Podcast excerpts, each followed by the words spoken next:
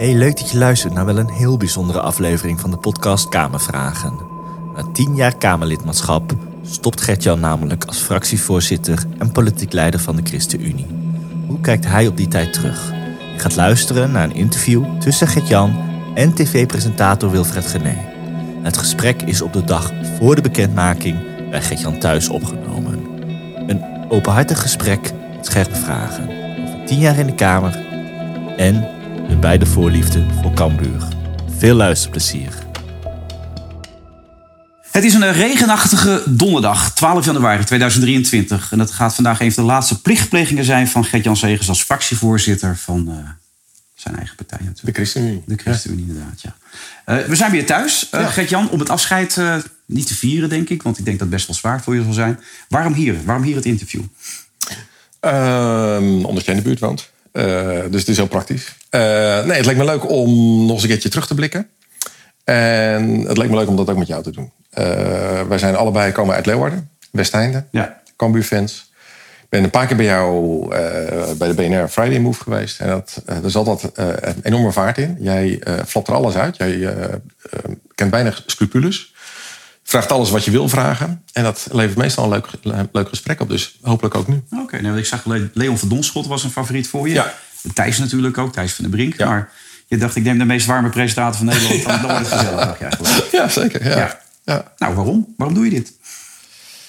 Uh, omdat ik afscheid neem. En nee, dat snap ik, maar waarom wil je afscheid nemen? En ik wil, waar, waarom ik afscheid neem? Ja. ja. Nee, want ik wil dit markeren. Dus ik wil inderdaad gewoon terugblikken, uh, uh, nog één keer om me heen kijken en dan dag zeggen en dan weg. Um, omdat het klaar is. In de zin dat je voelt dat het tijd is voor nieuw leiderschap. En ik voel dat dat zo is. Okay. Dus het voelt dat het af is. Tien jaar Kamerlid, dat is een lange, lange periode. Zeven jaar leiderschap. Um, het voelt rond, het voelt af. Je wilt altijd een boodschap uitdragen. Hè? Lees ik in allerlei interviews of zie ik in een aantal interviews. En dan gaat je hoofd wel eens op hol slaan. Wat wil je vandaag absoluut uitdragen? Wat moet eruit komen uit dit verhaal? Uh, poeh, dat is een hele grote vraag. Uh, dat ik het met hart en ziel heb gedaan. Dat ik, ik, ik, ik geloof heilig in de missie van de ChristenUnie. Ik heb alles gegeven. Uh, dat was op sommige momenten niet goed genoeg. Uh, Welke momenten waren dat dan? Dat is met, dat is met, vallen, met vallen en opstaan. Welk nou, moment was heb, het meest heb, specifiek dan? Um, nou, dat, dat, dat, was helemaal aan het begin. Was dat bijvoorbeeld, uh, toen hadden we een Oekraïne-referendum gehad. Wat, hoe gaan we op met het Oekraïne-referendum? En nou, daar kwam een heel deel van, van de achterban die kwam in opstand. Ik heb dat op een manier gedaan waar ik denk van nou, dat had ik echt gewoon beter kunnen doen. Dat had ja. ik gewoon beter kunnen uitleggen.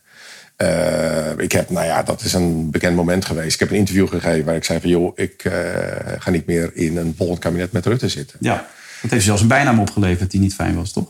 Dat weet ik niet. Dat, uh, daar uh, hou ik me niet mee bezig. Jawel, ik, weet je wel. Kijk, ik, ik, ik had een paar interviews van je bekeken. En ik zag dat Jeroen Pauw confronteerde er ook mee bij het Bali-interview. Thijs van Brink heeft je ermee geconfronteerd. Het woord Judas, dat vond je ook niet leuk. Dat snap ik ook heel goed. Helemaal in de Bijbelse context niet. Ja. Maar het, het, voelt volgens mij denk ik ook heel ondankbaar. Omdat je zoveel hebt gegeven dat mensen dat dan zo je kunnen zeggen. Ja, maar dat, daarvan weet je dat zeker in uh, social media tijdperk mensen roepen heel veel. Ja. En dat is nooit persoonlijk, maar dat is altijd functioneel. Dat is omdat ik een bepaalde functie heb, omdat ik een bepaalde positie heb. Precies, exact. Ja. Dus ja. Uh, dat is wat het is. En uh, nou, daarvan heb ik gezegd, ik had dat beter moeten doen. Dat was te persoonlijk, dat was te snel, dat was te weinig overdacht. Uh, maar het was wel vanuit het hart. En dat is misschien wel de kern van het bestaan van een politicus. Mhm. Mm -hmm. Dat kan bijna niet meer. Want eigenlijk zou ik ook kunnen zeggen... je zegt tien jaar leiderschap, althans zeven jaar leiderschap... tien jaar in de politiek. Ja. Het is tijd, het is klaar. Je kan ook zeggen, hij verlaat het politieke zinkende schip. Nee, het is wel spannend, want het is heel spannend of wij in staat zijn om te blijven samenwerken in dit land. Dit land is groot geworden door samenwerking. Mensen met hele verschillende opvattingen die rond de tafel kwamen en zeiden: joh, en toch moeten we er samen uitkomen. En ik zie dat dat onder druk staat. Maar dat is geen zinkend schip. Er zijn nog voldoende mensen van goede wil. Is dat echt waar, Gert-Jan? Is, is het ja. niet zo dat de mensen zich afkeren van de politiek? Dat er steeds minder vertrouwen is? Dat, dat het, de, de, problematiek ook zo groot is? Of het nou asielzoekers gaat, de energieproblemen, nou, noem het maar. Er is zoveel aan de hand in dit land. Is dat nog weer op koers te krijgen, dat schip? Uh, soms helpt het om een tijdje wat minder op Twitter te zitten. Want dan denk je inderdaad dat hier alleen maar rokende puinhopen zijn. En dat Ja. is niet zo. Dit is een heel fatsoenlijk land waar ook heel veel goed gaat. En waar mensen financiële problemen hebben. En waar we nog recht moeten doen aan Groningen. En waar de toeslagenouders nog recht moet worden gedaan. Dus ja, er zijn grote problemen. Ehm, maar er zijn voldoende mensen van goede wil en er zijn voldoende kundige mensen om uh, inderdaad het schip uh, drijvend te houden. Daar ben ik voel jij jezelf niet meer toegeroepen, dat is klaar. Nee, mijn rol is nu klaar, ja. ja dat, uh, dat is evident. En daar groei je langzaam naartoe. Dus ik wist bij de laatste verkiezingen al, dit wordt mijn laatste periode. Ja. dus ook nagedacht over de lijst. Wie zou dat eventueel kunnen overnemen? Nou, er staat nu een hele goede opvolger klaar. Mirjam Bikker, ja. Mirjam Bikker. Die loopt net de deur uit. Die loopt net de deur uit. Dus ja. we hebben daar gezeten, nog een laatste keer gesproken. Even stilte voor de storm, want morgen dan, uh, nou ja, dan wordt het bekend. En dan weet je dat, uh, ja, dan, dan, dan, dan wordt het even hectisch. En daarna wordt het voor haar ook hectisch. Ja. Dus dat was een uh, laatste heel mooi, mooi gesprek. ik heb heel veel vertrouwen in haar. En dan groei je langzaam toe naar dat moment. Ik denk dat dat nu is. Ik denk dat dit goed is voor de partij. goed voor mijn gezin, goed voor de fractie. en dan, dan, dan, dan is het wat het is. Ja, maar dan zeg je, ik heb dingen fout gedaan. Maar je zult ook genoeg dingen goed hebben gedaan. Mag je daar een paar dingen van opnoemen of is dat te... Wat het mooiste was, was als, als, er, als er een onderwerp was... of ik mensen tegenkwam die me echt heel diep raakten... en dat ik dan met andere mensen kon samenwerken en daar iets aan kon doen. Dat was voor mij een ontmoeting met een slachtoffer van... was in Friesland, in Leeuwarden. Slachtoffer van mensenhandel, gedwongen prostitutie, Ghanese vrouw. Dat raakte mij ontzettend diep. Ik werd daar heel, heel verdrietig van. Die vrouw was totaal kapot. En toen ben ik gaan werken aan een initiatiefwet samen met SP en PvdA. Later kwam CDA erbij. Uh, dat was heel hard werken. En dat was ook met een maatschappelijke alliantie van activisten en van hulpverleners van Vier Friesland. Um, en toen zijn we gaan werken aan die wet. En dat heeft, die heeft uiteindelijk een nipte meerderheid in de Tweede Kamer en een ruime meerderheid in de Eerste Kamer gekregen. Nou, dan heb ik het gevoel, ik heb voor die vrouw die ik heb ontmoet, heb ik iets goeds kunnen doen. Je hebt een steen verlegd, zeg maar. Ik heb een kleine steen kunnen, kunnen verleggen. Ja. Excuses aan de Joodse gemeenschap, uh, omslag in onze uh, energievoorziening, het klimaatakkoord, uh, versterking van bestaanszekerheid in dit kabinet. Er zijn een paar stenen verlegd. Die tien jaar is het waard geweest? Wat je hebt opgeofferd, want ja, dat was het toch, een opoffering? Soms wel, maar ja. ik heb er ook, ook heel veel plezier aan beleefd. Dus als dingen lukken, als je opeens, hey joh, die wet haalt een meerderheid. Ja, dat is ontzettend fijn. Dat is ontzettend mooi. Um, jij zegt van jouw werk altijd, ik uh, verplaats lucht. Ja, nou, dat, louter lucht. Dat doe ik soms ook. Maar soms verander ik ook een wet. En dat is heel bevredigend. Dat je denkt, ja jongens, dit is gelukt. En ik hoop dat het inderdaad een, een slachtoffer voorkomt. En dat het recht doet aan nou ja, slachtoffer van mensenhandel. Of recht doet aan de Joodse gemeenschap. Of dat het mensen die nu niet rond kunnen komen. Eh, dat ze wel wat meer geld te besteden hebben. Ja, dat, dat is wel de moeite waard. Ja. Je zegt wel dat je hoopvol bent. Toch geen boek schrijven volgens mij over ja. de toekomst van de politiek? Ja, ik ga dus reflecteren. Ik ga dus terugblikken. Ik ga ja. dus ook wel eens, nou, wat, wat, wat, wat, wat, wat gebeurt er in die machinekamer van, van, van de Haagse politiek? Uh, maar ook wel reflecteren op, ja, hoe staan we er democratisch uh, voor? Hoe staan we daar als samenleving voor? Wat is de conclusie, denk je? Nou, we zitten wel zwaar weer. Ja. Het is, uh, je merkt dat de, de tolerantie, onderlinge tolerantie, dat die afneemt. De bereidheid om samen te werken, de waardering voor samenwerking waardering voor het compromis, dat dat, dat dat afneemt. Heb jij dan ook niet een klein beetje gefaald? Ja, ik ben daar, ik ben daar onderdeel van. Ik ben er onderdeel van. Wat, wat had ik beter kunnen doen, weet je? Ik weet het niet. Dat zit ik me ook af te vragen. Ik weet ook dat je heel goed bent in interviews om tegenvragen te gaan stellen. dat valt me ook altijd op in interviews van jou. Maar het is wel zo dat het ook makkelijk is. Hè, van het, de rol die ik bijvoorbeeld heb in het programma wat wij presenteren met Johan en met ja. René. Zeg ik ook als tegen Johan, maar hoe zou jij het dan doen? Ja. Zeg je, maar daar ben ik toch niet voor? Nee. Daar zijn die mensen voor, ja. zoals Gert-Jan nee. Maar, ja, maar ik, ik bedoel, jij bent een betrokken burger. Je maakt iedere week en maak jij, maak jij een radioprogramma waar ja. het nieuws langskomt. En, wat mijn uh, belangrijkste en, conclusie altijd is, is het idee dat ik het gevoel heb dat de politiek vaak niet meer leeft, weet wat er precies leeft onder de burger. En dat je dat, dat, dat gat groot heeft laten worden als politiek.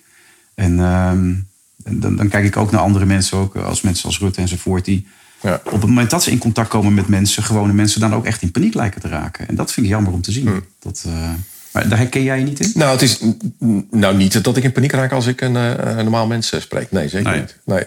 Uh, het is wel heel technocratisch geworden. Dus de planbureaus die zeggen: joh, dit is het stikstofprobleem, dit is het model, uh, dit zou er moeten gebeuren. Nou, en dan vertalen wij dat en dan komt er een kaartje uit. Ja, dat is heel technocratisch. Dan, dan weet je niet wat er in, in, in Oldenbroek of in Ommen of wat er aan de keukentafel, hoe dat, hoe dat overkomt. Nee. Uh, klimaatbeleid, waar mensen zich zorgen maken. Joh, kan ik het betalen? Uh,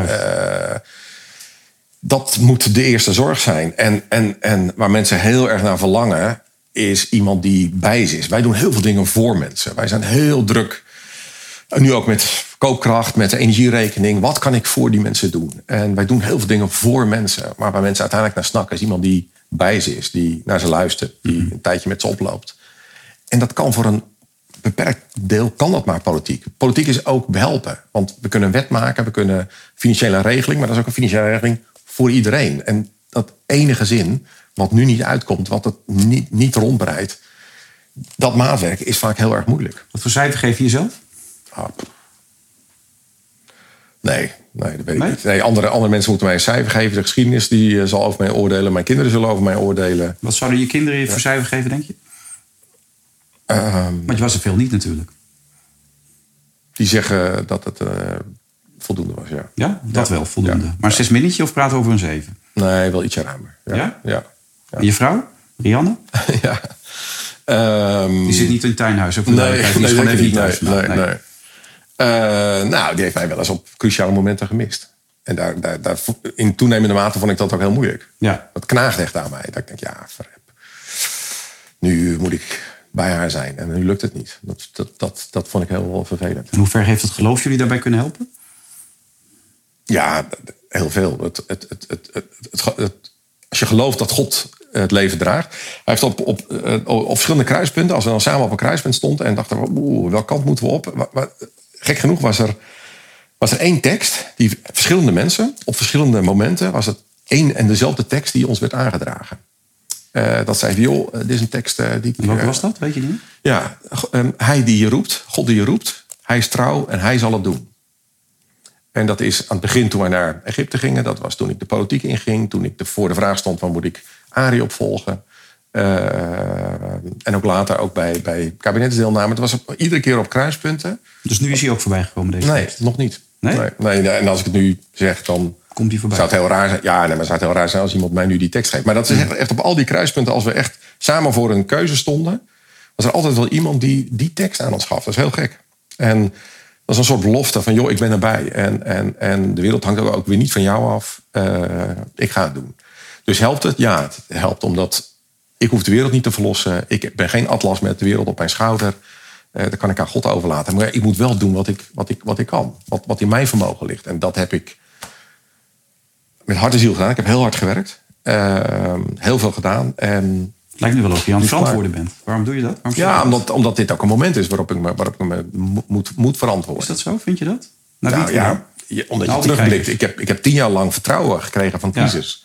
En dan is natuurlijk de vraag, heb ik daar iets goeds mee gedaan? Ja, dat, dat is ook een indringende Zo klinkt je bijna als het jongetje dat dat altijd goed wil doen. Ik heb zo mijn best gedaan. Weet ja, je? ja. bijna. ja maar, ook, ook, maar ook in de wetenschap dat het op momenten niet, niet, niet goed was. Omdat ik ook dat met, met vallen en opstaan. Aan het begin die blunder en later ook nog een keer. Ja, en, vaker ook in, in, persoonlijke contacten. Dan zeg ik tegen iemand, ik mail je terug. Ja. En dat doe ik dan niet. Ja, dat is fout. Dat is gewoon niet goed.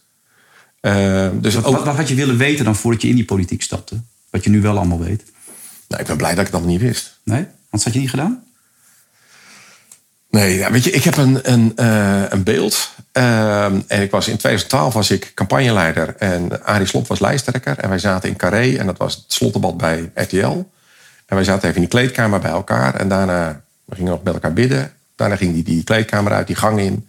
En ik keek hem na en toen had ik een schietgebed. Heer, laat mij nooit die gang hoeven maken. Het lijkt me zo verschrikkelijk om naar zo'n slotdebat te gaan waar je weet... het hangt veel af van wat jij zegt, hoe jij overkomt of je weer het vertrouwen van kiezers krijgt of niet. Dat leek me heel zwaar. Hmm. en daar zag ik tegenop. Het is, nou ja, campagne is soms ook leuker geweest dan ik van tevoren dacht.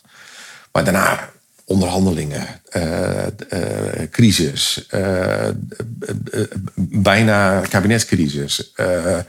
een achterban die heel indringende vragen stelt. Mensen die boos op je zijn. het is af en toe heel, heel pittig. Dus ik ben blij dat ik het niet allemaal heb geweten. En toch als ik terugblik, denk ik, ja, ik heb waanzinnig veel geleerd heel veel mooie momenten gehad. En ik denk dat het al met al wel de moeite waard was. Hmm. Ze zeggen vaak voor je vijftigste wil je laten zien wat je kan. Na je vijftigste wie je bent. Ja, mooi. Ja. Kun, je, kun je nu laten zien wie je bent? Lukt dat je dat nu? Ik hoop dat ik dat al een beetje heb laten zien. Ik heb het echt ook wel met mijn hart willen doen. Dus ik heb ook wel iets willen vertellen over nou ja, geloofsovertuiging waar het uit, uit voortkwam. Ehm, wat mij raakte. Dus dat heb ik wel willen doen. Maar het is, ja, dat is wel vaak inderdaad de gang eh, van het leven. Een boek, de, heet De Tweede Berg. De eerste berg is inderdaad stoermoedrang. Is inderdaad iets willen bereiken. En die tweede berg is leven in relatie, uh, van betekenis zijn. Uh, ik denk dat ik allebei wel heb gehad. Maar ik hoop dat ik nog iets meer die tweede berg op ga. Ja, daar kijk je naar uit, begrijp ik. Ik kijk uit naar de rust, naar de stilte. Dus ik ga dat huisje in, ik ga schrijven. Ik zet ochtends hier mijn koffie en dan uh, ik die kant op. Uh, ik ga me niet meer bemoeien met politieke actualiteit. Ik ga niet een fractie voor de voeten lopen. Nou, niet... vandaag horen we niks meer van Gert-Jan Segers los van zijn boeken. Als ik met een boek naar buiten kom, dan wil ik daar iets over kunnen zeggen. Maar ja. ik ga niet de fractie... Ik heb daar zelf wel eens last van gehad. Oud-politici die aan mij vertelden wat ik moest doen. En dacht ik, dat moet ik nooit doen. Dat moet ik echt nooit doen. Nee, dat ga ik niet doen. Als, ik, als, je, als je me daar betrapt, dan... Uh... Dus ik hoef je ook niet meer uit te nodigen bij BNR? Nou, over uh, Cambuur of PSV wil ik ja? best, wel, best wel wat zeggen. Oh, dan kun je ook als analyticus op tv gaan komen, voetbalanalyticus. Ja, dat, daar, daar sta ik open voor, ja. Zijn er nog mensen die je wil bedanken? Dat zeg je altijd aan het eind van zijn programma, hè? radioprogramma, ook op tv-programma. Ik wil graag nog even de groeten doen of bedanken. Zijn er echt mensen die je nu, waarbij je het gevoel krijgt van...